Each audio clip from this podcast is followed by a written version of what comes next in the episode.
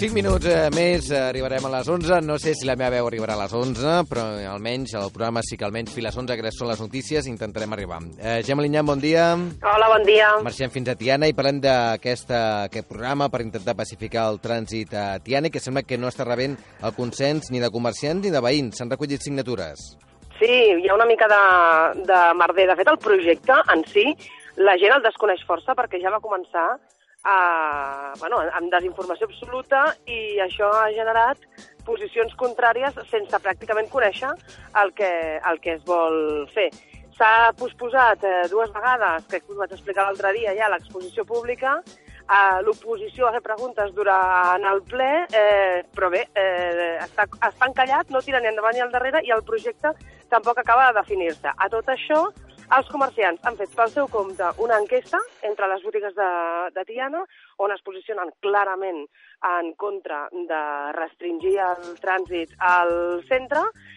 I, a més a més, per una altra banda, s'ha fet una recollida de, de firmes promoguda per alguns comerciants que no estan associats a, a l'agrupació la, doncs, que, que els uneix a tots i, a, i alguns veïns també dels carrers afectats i han portat a l'Ajuntament 300 firmes contra aquest projecte que tampoc eh, se'n coneixen molt bé els detalls perquè no s'acaba d'explicar bé.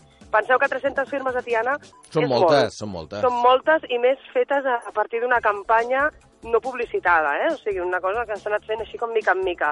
A Tiana els actes que tenen més gent, tret dels tres toms i la cavalcada de Reis, arriben a 150-200 persones. Per tant, una recollida de firmes de 300 persones està... Eh, bueno, jo si fos l'alcaldessa em preocuparia una mica, la veritat. Mala, eh... mala peça al teler té l'Ajuntament sí. de, de Tiana. Gemma, un minut perquè m'expliquis que l'associació Tiana Cultiva cultiven justament un asa. Sí, jo estic aquí avui, estic als horts municipals sí. perquè han portat un asa, ara us enviaré una foto perquè la pugueu posar al, ah, sí? al Twitter. Sí, sí. Uh, és una associació que es va crear fa, fa dos anys i que cultiva com, com els antics pagesos.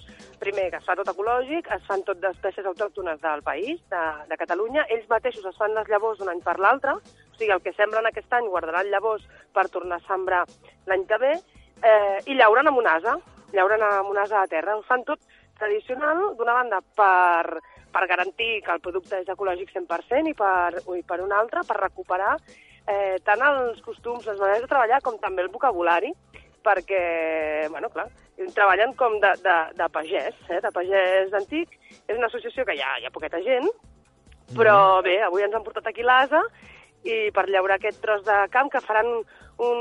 prepararan el, el llaurat de les patates, per fer patates, avui. És el primer asa que hi ha Tiana? No, home, no. Hi ha més, hi ha eh? molts ases.